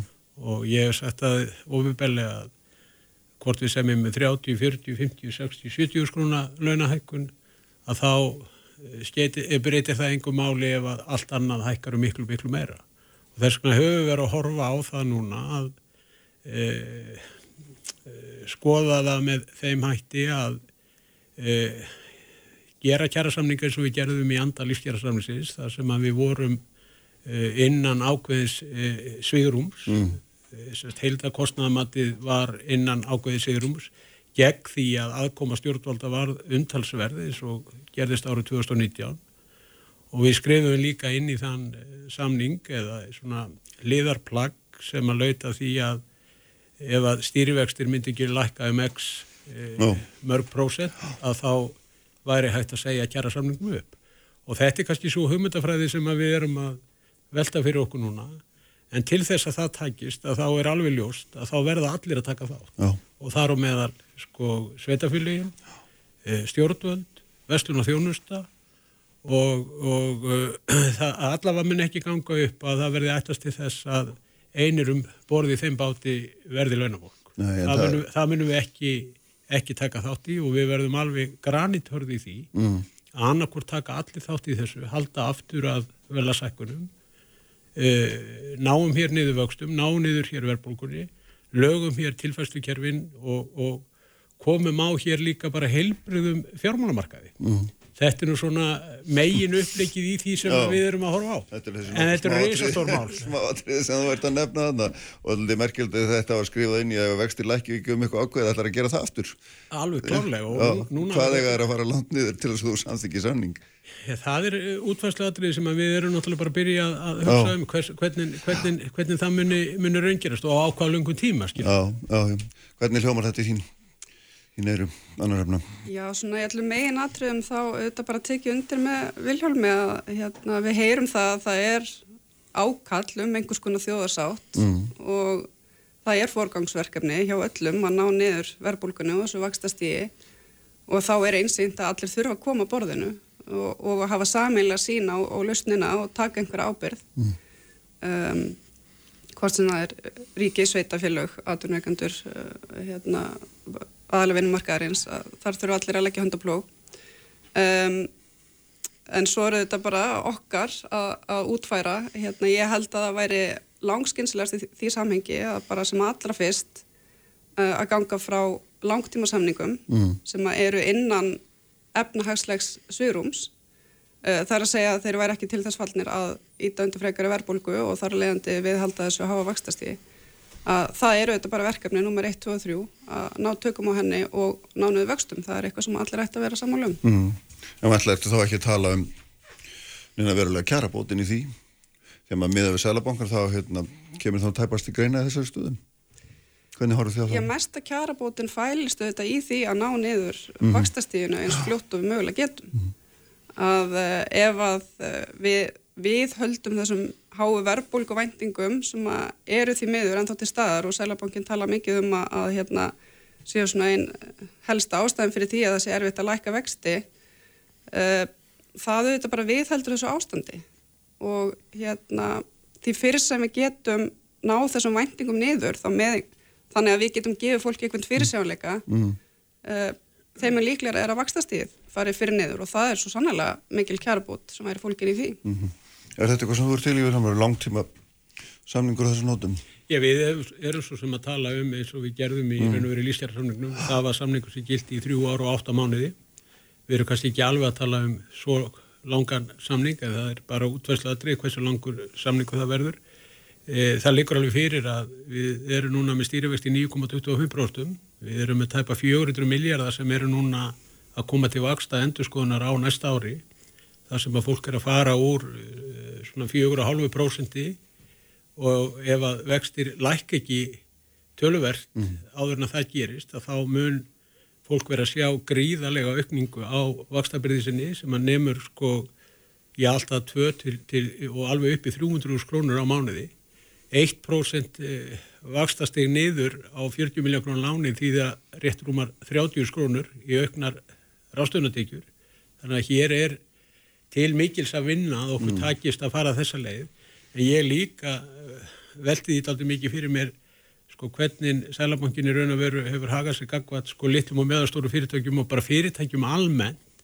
Því að ástæðan fyrir því sem að Sælabankin hefur sagt að kjærasalmingar sem við gengum frá í desember hafi verið bara allt og innihalds miklir og allt og dýrir og það hefur verið ástæðan fyrir því að hann hefur þurft að grípa til svona e, vaksta hækkana þá vil ég bara minna á það að kjærasamningarnir sem við gerðum í desember og undir þetta þriðja að þeir kostuðu 72 miljardar og nú kom fram á ásfundi samtaka atvinnlýsins að 1% hækkun vaksta kostar atvinnlífið 30 miljardar og frá því að við undirritum kjærasamningana í desember 2022 ha, hef, hafa vextir hækkaðum 3,5% mm -hmm. Sem þýðir það að vaksta hækkan í Sælabankans eru 31 miljardi dýrari fyrir atvinnulífið heldur í kjærasamningandi kostuðu. Og þetta, þetta er einhver hagfræði sem ég bara ekki ég, ég bara næ ekki utanum hana vegna þess að að sjálfsögðu þurfa fyrirtækin að varpa auknu fjármarskostnaði út í verðlagi hjá sér til að standa ströym af því með nákvæmlega sama hætti og því er haldið fram að alla launahækkanir fari beint út í verðlagið en þannig eru vaksta hækkanir sælabankar sem eru að kosta 31 miljardi meira heldur launahækkanir kostuðu. Þannig að þetta er, þetta er óbóstlega skrítið og hefur valdið mörgum fyrirtækjum gríðarlegum vandræðum. Við sjáum bara hvernig þetta er að leika bændur þar sem að hefur komið fram að á síðustu 12 mánuðum hefur fjármarskostnaði bænda aukistu 6 miljardar. Þannig að þetta er út um allt. Þetta háa vakstastík er í rauninu verið að keira okkur í svona hálgjara kreppu ef við horfum bara síðustu hafvakstatölur sem að voru að byrtast núna. Það sem að enganisla er bara í frjálsumfalli niður. En var það ekki til þess voru reyfinni skortnir? Til þess er þið skortni til þess að hérna slá á hagkerfið sem var, eru alltaf mjög dampi en síðan alvarlegast af mánu sem að lítur að því en það er engan aðra, Sælabankin hefur enga aðra leið jú, jú, hann, getur breytt hérna veðsendingar hlutullum og hann er með fleiri hann er gert það líka sko. Já, já, hann getur gert það bara enn og meira. Og til hvers að vera, er, að hækka vexti á, á gömulán okkur er ekki hægt að gera það á nýlán ef hann ætlar að slá á, á fastegnamarkan það er ímislit sem Sælabanki getur gert mm. annað heldur það að gera þetta með þessum hætti. Við skulum bara átt okkur á einu við skulum átt okkur á einu að þegar að er verið að keira til þess byggingar en svona gjörsamlega í frost eins og er búið að vera að gera núna þá mun það koma síðan í baki á okkur setna mér það, er, það eru 90.860 uh, okkur hefur fjölgaðu 90.860 frá fyrsta ásfjörðungi 2022 til þriði ás, ásfjörðungs 2023. Þetta, þetta er, er ígildi þess e, allra sem að búa á Reykjanesi eða Reykjanesbæ. Reykjanesbæ, já, já. Þetta er ekki smáraðis fjöldi og einhverstað þarf þetta fólk að búa. Já, það er alveg rétt. Þetta er einn hluti af því sem er undir eða er húsnæðismarkaðin sem margir tala um að verði bara aðladrið í að náðu þessu en ég menna hvað átti Sælabankin að gera? Hann getur ekki gert nýtt annað en að hækka vexti þegar að hérna staðan var eins og hún var. Hvort sem hann hefur gert of ofta ekki, veit það ekki en... Já, en þetta er alveg vissulega rétt sem að Viljónum nefni, við höfum líka áhugir að þessu varandi húsnæðasmarkaðin mm. að við vitum að það er þörf á uh, mun fleiri íbúðum heldur en verið er að byggja núna. Og auðvitað hefur þetta háa vakstast í neikvæð áhrif á frambúsliðina það er alveg óumdeilt og við sjáum þá bara fyrir okkur að uh, þessi áhrif þarf að segja það að framkvæmdi séu stöðvast núna munir þá bara auka enn frekar og sveiblur þegar fram í sækir, ég mun okkur mun halda áfram að fjölga og, og hérna mögulega eru margir grindvikingar hann úti sem að munu þurfa nýtt húsnæði. Um, þannig að við höfum bara verulega áhyggjur af því að þó vissulega þetta sé helst að verkværi sælabankans mm. þá, þá hefur þetta hafa vakstasti einhver sér þessi áhrif líka á sagt, ekki bara eftirspurnarliðina heldur frambósliðina og við sjáum það bara þeir að draga verulega úr fjárfestingum fyrirtæki almennt, ekki bara íbúðamarkaði en það er svona eitt helst áhugjafn okkar í tengslum við þetta háavaxtastegi er mm -hmm. vissulega það, þetta að hérna, það, það vantar íbúði sem er þó ekki verið að byggja núna. Já, já, en við erum að sykla inn í ástand sem að er svona, nú ekki hægt að kalla þetta kreppu strax, en, en, en það er greinlega hægja mikið á og Já. það er svo stöðleiki sem við sækjumst eftir ekki að það sé svona tilturlega jafn vöxtur en ekki þessar sveiflur sem við erum að glýma alltaf við. Já, okkur að ég held að fólk sé að koma með svolítið leið á svona orðum fyrirsjánleiki, stöðuleiki þetta eru svona, já en, en þetta er engur sér það sem að okkur vantar svo mikið í Íslands mm. og þessar sveiflur eru svo dýrar. Og ef við gætum bara búið til umhverfi þar sem að er ekki alltaf allt annarkort í öklega eira þá myndum við fá svo mikið út af því og þá fyrst og fremst í formi læri vaksta sem myndi gagnast öllum heimilum og fyrirtækjum og það er bara það sem að uh, aukinn stöðuleiki myndi færa okkur Já. Já, ég segi bara í fyrsta lagi sko þá þarf náttúrulega bara að fara í... Far, þú ert farin að tala með öfrun á daginn. Já, ég ætla bara að segja það þarf að fara í rótargreining á Íslands samfélagi. Af hverju er þetta svona? Mm. Hvað er það sem veldur þessu? Tökum einfalt dæmi að frá árunni 2014 til 2019 þá var verðbólk á Íslandi sangat samræmdi vístunni 0,5%. Íslenska vístunni var 2,5% að meðaltali þessi ár. Hverju voru vextitinn á Íslandi þá? Þeir voru 7%. Hver var verðbólgan á Norðurlundurum á þessum tíma? Hún var á nákvæmlega sama stað og íslenska verðbólgan, hún er kringu 2,5%. Mm -hmm. En hverjir voru óvertriði vextir á Norðurlundurum? Þeir voru frá 2,5% nýri 1,5%. Samt voru við með nákvæmlega sömu verðbólguna og á þessum árum. En mjög meiri hafust, ekki sett? Nákvæmlega, þá, kemur, þá er alltaf eitthvað annað. Já. þá er það ómikið hagvöxtur eða, eða eitthvað. Það er eitthvað að í íslensku samfélagi. Fyrsta lagi erum við að mæla vitt, hérna, vístuluna með, með vittlusum hætti. Við erum hér með reiknaða húsalegu sem að í flestum löndum er ekki verið að nota og reiknaða húsalegan er sérstaklega bara hækkun á fastegnaverði og verðtriði vextir. E, flest lönd er að nota svo kallega greitta húsalegu. E, í síðasta mánuði að þá hækkaði reiknaða húsalegunum 0,40% en heildarvístalan hækkaði 0,38%. Þannig að langstæðstu hlutin af hækkun í síðasta mánu var vegna hækkunur á fastegnaverði og hækkun á verðtröðum vöxtum sem á að vera með í markmið selabankars að reyna að slá á. En það mm. bara tekst ekki. Af hverju? Jú, af því það er að íta fólki yfir í e, verðtröðu lánin aftur þar sem að vextinir eru, eru læri. Þannig að stýritæki selabankars, það bara virkar ekki. Lágastalandi það kvarf út úr í svolítið ekki hring mér hratt sko. Mm. Og mér skils nú reyndar að Hagstofan sé með þetta til endurskoðanar og þessum myndir og það er þá bara sem hluti eftirfylgni við skýslu sem að koma út í tengslu við lífskerrsamningin og bara sjálfsagt að vera með þetta sífælt í endurskoðan en hins vegar er það nú þannig að eh, vísitalan með og án húsnæðis er nokkur neginn, það, það er nokkur neginn sama áshækkun og þetta kemur auðvitað alltaf til umræðu þegar húsnæðisverði hefur verið að ítundu verðbólgu en svo glemast þetta nú þegar mm. húsnæðisliðurinn er að draga úr verðbólgu sem að gerist nú líka. Það gerist rosalega sjaldan og við förum aftur til aldamáta. Þá er 33% af e, verðbólgunni vegna regnar húsalegu mm. og ef við förum sko nær frá 2014 til dagsins í dag að þá er 45% vegna regnar húsalegu mm. og ég hef nú sagt það að ef að vera þetta benda á verkefæliseyfingun og segja Erðu, hér eru bara gögg sem sína það að þið eigi 45% verbulgunni síðustu tíu ára eða svo. Það er bara kallaði sérsvitin og við erum lókuð inn. En hér eru við með eitt lið sem virkar með þessum hætti og það er búið að benda stjórnvöldum á þetta mjög, sko, í, í, í enn 15-20 ár. Meiri sé að samtök sem skrifuðu ger horti fórsettisraðara bref árið 2007. Það sem þeir voru að hvetja til þess að taka þennan tiltekna lið út því að hann væri að keira hér upp verbulguna og reyndar bentur e, e, réttilega á það að, að meðan að e, verðröðu lánin væri til staðar mm. að þá væri þetta stýrifagst að tækja ekki að virka. Nei. Bara sjálfsagt að hafa þetta í sífældri endurskoðun og tryggja þessum að mæla þetta með réttum hætti. Ég er bara alveg, alveg sammála því. Mm. En sko eitt sem að mjögast áhugavert núna líka hérna í, í vikunni annarhefnaði sístu viku það var, það var frétt sem að það sem rætt var þig um, um það að við, hérna, þegar öllu á botni var í kvólt þá varum við með styrsta vinnutíma innan OECD og líka hæsluðin, eða svona nokt meginn.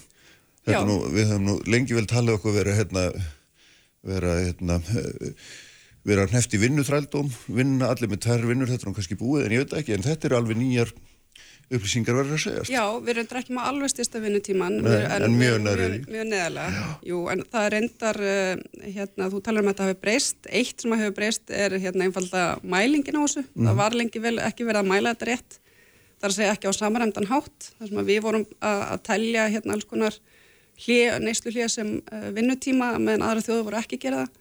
Og svo var þetta leiðrétt og þá kemur ljósa við erum með bara frekar stuttan vinnutíma með aðra En þetta er auðvitað bara mjög góð staða að vera í að, að geta verið með svona há laun en samt ekki svona langan vinnutíma mm -hmm. og þetta auðvitað endur spekla bara það hversu hérna, mikil hagsælt er til staðar á Íslandi og bara mikilvægt að við náum að vera í þessa stöðu uh, þannig að við getum áfram uh, verið með góð laun og, og stuttan vinnutíma en mm -hmm. þá þurfum við bara að tryggja hérna, samkeppnishefni íslenskra fyrirtækja og þjóðabúsins. Hvernig gerum við það? Já, til dæmis með því að tryggja að kostnaður fara ekki fram úr hófi hér þannig að fyrirtæki... Leina kostnaður fara fram annað? Já, uh, það er nú eitt stærsti kostnæðilegu fyrirtækja þannig að það er vissulega mjög mikilvægt að við stöndumst alþjóðlega samkeppni þar. Þannig að fyrirtæki, til dæmis framlegslu fyrirtæki sjá að hagsin í því að vera staðsett á Íslandi frekar en einhverstar annar staðar. Og svo eru þetta regluverk líka mjög mikilvægur þáttur í því hvar fyrirtæki á hvaða staðsetja sig það yfirvöld séu svona vinsamleg gagvart aðrunulífunu, það skiptir gífulega miklu máli. Og við höfum nú séð regluverk uh, þingjast start og stöðut senst árin. Og það eru þetta að gerast alþjóðlega en við þurfum þá bara að tryggja það að við séum til dæmis ekki að innlega reglugerir frá Evrópu með meira íþingjandi hætti heldur en uh, krafist er því að það auðvitað bara skerður okkar samkjöfnisefni þannig að það er svona ímislegt sem við þurfum að gera til að, mm. að tryggja að við getum verið áfram þessari yeah. stuð. Kemur þetta óvart að við séum hérna, ég, ég, þessi stötti vinnutími og hérna hálaun ef ég, ef ég horfi bara á uh, verkafólk Já. þá likur fyrir að verkafólk er að vinna 192 vinnustundir mm. og af hverju verkafólk að vinna 192 vinnustundir og, og verkafólk vinnur sko langt mest af öllu starfstéttum á, á Íslandi það er einfallega vegna þess að því fólk næri ekki endur saman og sangat bara nýjum gögnum frá hagstofunni þá likur fyrir að dreifing heildalögna til dæmis verkafólks er á bílinu þetta frá 450 uh, til 750.000 það er 70% af massanum hjá okkur. Og það likur alveg fyrir að á þessum launum nær fólk ekki að framflita sér í dýrasta landi í heimi. Þegar við erum að byrja okkur saman þá verðum við að gera svo vel að taka bara allar breytur með. Mm -hmm. uh, sama hvort að það er matarverð. Ég tala nú ekki um, um sko lánskjör þar sem við erum að búa við þetta 200-300% hærri í vakstakjur heldur en í öllum þeim löndu sem við erum að byrja okkur sama við. Við getum farið hér upp á hól og hort í færiða. Það sem að e, færingu býðist óvertri lán til 30 ára og 4,8%. Slík lán hér e, sko, eru ekki til svona langstíma heldur, heldur eru á breytilegu vöxtum í dag á 11%. Hér eru við að tala bara um 100.000 sem munar mm -hmm. hér á milli þessara tveggja landa. Þetta er, þetta er land sem búa 50 manns í land sem er með tvær svona megin stóðir í, í, í sinni gjaldiris hérna öflun sem er sjáorútur og lagseldi. Við erum með miklu fleiri stóðir, eh, við erum fleiri en einhverja hluta vegna þá er þetta kerfi hér á Íslandi sem að virðist eh, vera fyrst og fremst að við halda hér eh, góðum og, og sterkum fjármála stöðuleika fyrir fjármála fyrirtækin. Mm -hmm. Það skiptir ekki með fjármála stöðuleika heimilana og bara í þessu sammingi þá vil ég minna á að að e, reynar vakstatekjur bankana hafa aukist um 35 miljardar frá árnu 2001 aukist, þetta eftir, um 35 miljardar sem er ígildi einnar loðnuvertiðar þetta er bara til viðbótar vegna þess að bæði vakstamunir hefur verið að aukast hjá bankanum og, og, og svo framvegis. Þannig að, að á þessu þarf að taka við þurfum að búa hér við, við sambarli kjör og gerist og gengur í öru löndum. Mm -hmm. Já, ég, ég hjartalega samanlegar, við verðum að ná læra vakstastíðin. Það eru hérna grunnvextinnir sem eru vandamáli þar að koma nýljóð skýrsla sem var að byrja saman Íslensku bankana við aðra og þar kemur nú í ljósa það er nú ekki mikill munur þar á þeirra rekstriða ákomið, en það eru auðvitað grunnvextinnir eða stýrivextinnir sem eru vandamálið. En mér langar bara að leiðri þetta því að það er oft tala um þegar við erum að tala um meðalögn mm. að í þessum tölum sem þú vísaði til áðar, það, áðan, það er búið að leiðrætta fyrir verðlægi millir landa, þannig að Já. þetta eru kaupmátt að leiðrætta tölur. Jáfnvel þó tökum mm -hmm. til þess, þá er samt meðalögn á Íslandi, þau hæstu innan OECD og líka ef við skoðum lægstulögn, þá eru við ef ekki í efstasæti þá í einhverjum af allra efstasætunum. Þannig að þó að verða á Íslandi sé almennt mjög hátt, um, þá sagt, skýrist það að hluta til að því að laun eru svo há, þannig að um, það er búið að taka til þess. Þannig að mér þetta oft svona þvæla staðins í umræðinni að hérna, það er eftir að taka til þess að verla sér átt en það er ekki þannig. Þannig að þetta eru bara sagt, þetta eru leiðriðt laun þannig að þau, Já, þetta eru kaupmáttaleiðrétt mm. þannig að uh, það er búið að taka til til verðalags innan allra þessari landa og mm -hmm. leiðrétta fyrir því. Samt sem áður eru laun á Íslandi þau hæstu heimi. Það líkur bara fyrir ef við bara horfum á fólk í dag eh, á þessum eh, svona ég bæði verka fólk og alveg upp í mildtiki fólk. Mm. Fólk er núna bara gjörsanlega berjast við það að ná endur sama frá mánuði til mánuðar. Þannig að ef þetta væri með þessum hætti eins og, Já, eins og, eins og þú ert að lýsa. Þetta eru auðvitað meðaltöl, það er algjörlega rétt að staðan er, er, er misjöfn. En mér langar líka að benda það að við erum búum líka veit mest að jöfnuð tekjujöfnuð og eignujöfnuð. Ég veit, ég veit, ég veit bara hver staðan hér fólk er sem er að leia hér á 250-300 krónur mm -hmm. uh, og, og við erum búin að vera að horfa upp á mataverð hækka hér um 14% og, og við þekkjum alla þessa kostnæðiði sem hafa hækka hér svo engi sem morgundagurinn og það er bara, í, í dag er þetta þannig að þetta er ekki bara látekjufólki sem að næri ekki endur saman, heldur er þetta alveg komið upp mm -hmm. í mhm. millitekjuhópana sem eiga bara í, í, í verulegum vandræðum og það er alvarleikin sem er að skapast núna að þegar að millistjettin, alveg sama í hvaða landi það er, þegar að millistjettin fer að lenda í vandraðum þá uh, hérna fer fólkar í söp og það er það sem við finnum inn í verkefælissefingun núna að þetta er búið að tegja sig alveg upp í milltekjuhópana sem að eru komin í þessi vandraði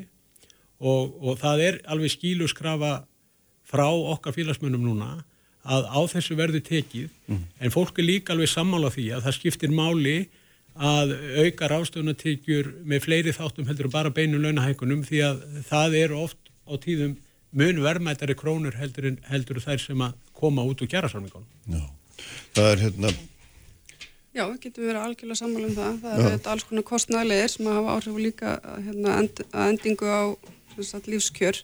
En mér langar bara að benda á eins og hefur verið nefnt hérna, ofta áður að sagt, lífskjör ákvarðast ekki við kjærasamningaborðið. Þegar við getum samið um alls konar, hvort það eru prósentuhækkanir eða krónutölur eða hvað. En á endanum þá þróast lífskjör almennings algjörlega í takti við hagvöxt eða það sem er framleitt í hagkjörunu og því miður hefur staðan undanfæri verið svo að framleinin hefur verið mjög lítill og fyrst þú nefndir hagvöxtatöluðnar mm. sem að voru að koma út hérna áðan þá má lesa út úr þeim til dæmis á þessu ári, fyrstu nýju mánuðinir þá er framleinin að dragast saman. Og venjulega tölum við um sko svírum til launahækana sem svona einhver meðaltalsframleini aukst pluss verðbólkumarkmið og því miður hefur þróunin bara ekki verið nógu hagfæld undanfæri hvað þetta varðar. Og það er mjög mikilvægt að við náum þessari framleginni mm -hmm. upp. En, þannig að auku við lífskjörun okkar alveg sama hvernig við semjum um, um krónur og eh, sko, Launan hlutvall af verðmættasköpun hefur líka verið að lækka tölverð það var, það var 2020 þá var, var það í kringu 70% það er komin í 58% núna. Þetta, þetta eru bara nýja tölur sem að Hatteld Alþjóðsabbarsins var að kynna fyrir okkur núna bara á fundi núna fyrir nokkru dögu síðan. Þannig... Já, þetta launallutfall sem er visslega gróf nálgun, það er núna nokkur neginn í kringum langtíma meðaltal, það er alls konar þarna inni til dæmis ofinberi gerin sem að þarf að... Já, við, bæ, að við, við, tók, við tókum bæði ofinberi gerin og síðan tókum við enga gerin, gerin mm. líka og, og, og það er Það er, er ágætt að því hún er svona frekar sammála um markmið með kjæra sem upphafi. Og svo þegar þið byrjaði að tala saman. Þá sér maður að það er, það er hérna, alla líki stærðir er bara út og söður sko. Nei, nei, nei, nei Þetta er kannski spurningum. Ég, að hann Vilhjálmur er mjög talnaglöku maður en ég held að við séum stundum kannski ekki alltaf með suma álíktanir um hvað hva, hérna, tildekinn þróun þýðir nei. eða hvernig ég eigi að taka að versta, því. Versta sem við tölum um það er þegar við erum að tala um að fólk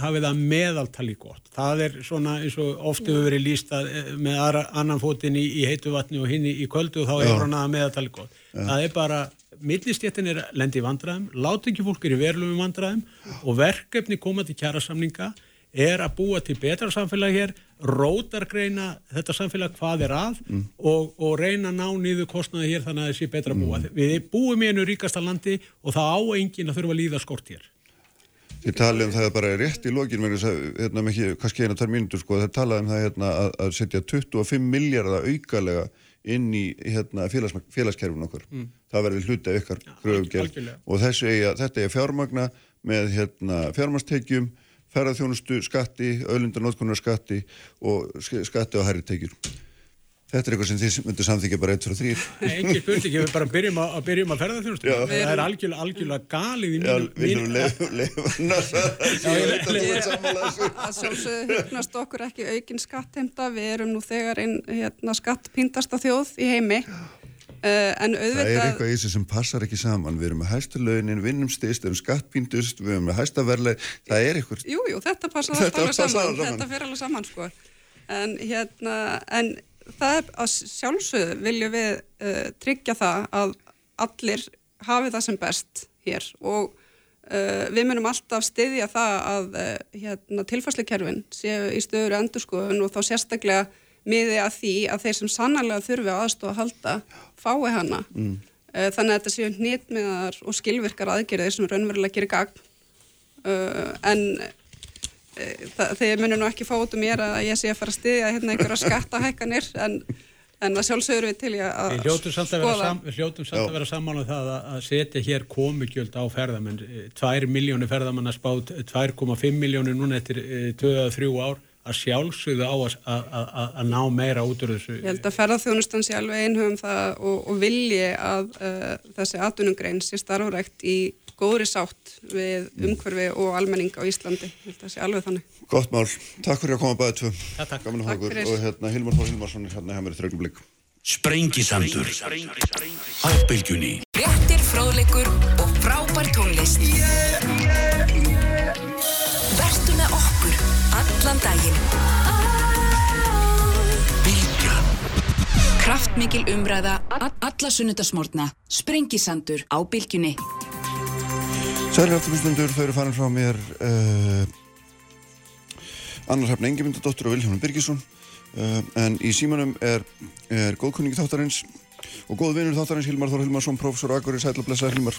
Sætlablessar. Herðu, smá hérna, förum aðeins yfir alþjóðamálun eins og við genum svo oft og hérna, nú langar með þess að hérna ræða þetta, ræða þessa stöðu á Gaza, Úgrænu hérna svona og reyna að tengja þetta allt saman beint í bandaríkjana því að einhvern veginn er þetta á endanum og það er að koma kostninga ára í bandaríkjunum og það er svona það sem er áhugavert að því að við vitum að þá svona þá færist fókusin á færist fókusin á innanlandsmál þar og þessi alþjóðamál þau, þau hérna, tínast aldrei en við vitum líka að, er, að bandarækjumenn stiði ekki áfram í Úkrænu sem það er nú grannlega orðin mikill vafi um og eins og þeir beita sér ekki beita ekki áhrifin sínum gagvart Ísraelsmjönu sérstaklega en í þessari deilu þarna fyrir botni miðar þá gerist nú ekki mikið því þeir eru einu eina ríki sem getur gert eitthvað Já, það verða kostningar í bandvegjunum 5. november og uh, eins og segir þannig að það eru utverkismanni skipta verulegu máli en það er líka efnarsmanni skipta verulegu máli. En utverkismanni skipta máli og í utverkismanni þá, þá er staðan erfið. Það við erum með þetta stríð í Úkrænum við erum með stríð í, í, í miðausturlöndum og svo er staðan í Östur-Asju erfið líka, kakar Kína. Og uh, varðandi Úkrænu þá finnst mér sko, rússar eru frekar að viljast vera að sækja í sig veðrið þarna og, og að sækja fram. Og það kemur kannski ekki svo mikið óvart því að Úkræn er bara miklu fámennir að land og þeir eru fattir að lendi í vandræði með að, að, að, að fá hermenn til að berjast. Og hérna þannig að það er, það er erfið staða hjá þeim. Og ég hef mín tilfengu svo að rússar telli sér verða með yfirhandina þeir vilja ekki setja þessi samningaborðið eh, nema á, á sínum fórsendum sem eru áaðgengilega fyrir Úkrænumenn algjörlega og að það sé sennilega líka því að rúsna stjórnvöld vilji býða með að semja nokkuð skapa hlut þar fyrir en, eh, hérna, en eftir að, að kostningar eiga sér stað í bandaríkjónum mm. og það verða fórsett að skipti þá í hvað, 20. janúar, þannig að það vilji býða eftir því. Varandi Palestíð, varandi í Gaza-svæðið, að þá, náttúrulega þess að það var vopnað hlýja og fangaskipti og kattar var þarna, uh, villigöngu aðli Og, en núna eru aftur hafna loftar á sér. Og nefnir ég hafi talað með hann vilja gera út af því Hamas. En það eru náttúrulega ekki aðtryggla á því að, að það eru Hamas er ekkit einu samtökun sem er, sem er berjast gegn Ísrael á gassasvæðinu, það er held í 11 samtöklar til dæmis Íslamik Jihad sem er næstæðstu samtökinn gegn, gegn, gegn Ísrael. Og þar er staðan þannig að það eru Ísraelar þarna aftur í gang með loftar á sér. Og þeir E, til þess að gera út af Hamas eins og þeir tala um að gera þá þurfa þær að fara inn, í, inn á gasasvæðið, landter og inn í hvert einasta hús og inn í göngin sem að, að palestinum hafa byggt annars þegar þeir þekkja best sjálfur og það myndi því að mikið mannfall. Þannig að, að það er staðan líka mjög erfið og vegna þess að sko, al, alþjóða samfélagi bara, og, og bara hérna, að bandarafíki bandaríkina eru orðið mjög ókyrðast mjög yfir mannfalli, sérstaklega að mannfalli óbreytra borgara, sérstaklega barna.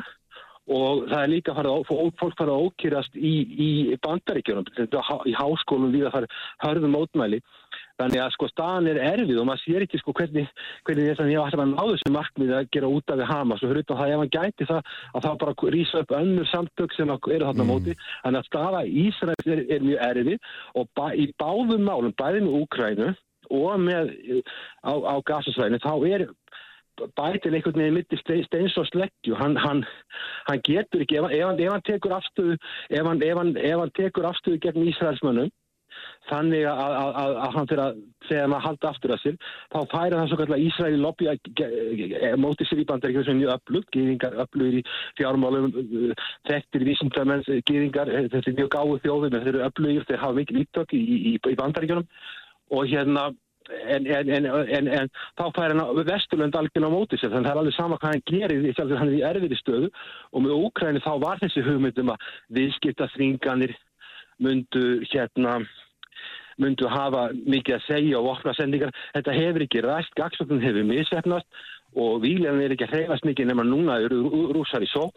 Þannig að sko þeir muni sennilega býða, þannig að ég býtti því að bætin vilja helst að sko úgrænumáli hverfi úr fréttum og, og með, með, með palestinu, með, gasasæðu og, og með það er mjög erfitt að ég að við því að ég annarkort fær hann bandamenn, bandalagsríkið sinna á mótið sér og bandaríkjum en almennt og sérstaklega araba í bandaríkjónum það eru margir eins og í Michigan ríki sem er svona swing state, þar eru mikið að aröpum, að bandari sem eru er bandaríkjumenn, það, það er að fara á móti sér eða, eða Ísraelsakýðinga, þannig að sko að staða hann er Já, hann er millir steinsosleggju og, og hann mun vilja halda þessu svo utan við kostninga, bara hérna kannski benda á það að hafi náðast árangur í efnaðasmálum bandaríkjana en hins vegar með Donald Trump eða hver sem verður fyrir replikana náttúrulega nutt honum upp úr þessu og segja að Donald Trump segir sko að Ukraina sér hefði aldrei eftir staði og ég hefði verið í kvítahúsinu og svo segir hann líka, já ef, ef ég væri í kvítahúsinu þá myndi ég leysa þetta mál á einu sólarhing hversin trúir því? Já, þetta, verður, þetta verður hýta mál já. og það er búið að eigða hann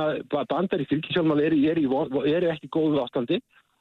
Og, og þess vegna verða sífælt aukin útgjöld í þessa hít þegar það er ekki að skila neinum sínilegum árangri verða erfiðar og erfiðari Já, við sjáum að sko hérna þetta er svona fólk sem að kalla þetta MAGA, það er að segja Make America Great Again, þeir sem e, eru svona hávarastur undir, þeim, þeim, undir því merki, þeir eru náttúrulega ímest vilja bara hætta eða minga verulega stuðning við Úkrænu og er búið, það er búið að lama í raun og veru fulltrúadeildina, getur ekki tekið ákvörðun í þessu máli og hérna engin peningar hafa verið agrundir lengi vel.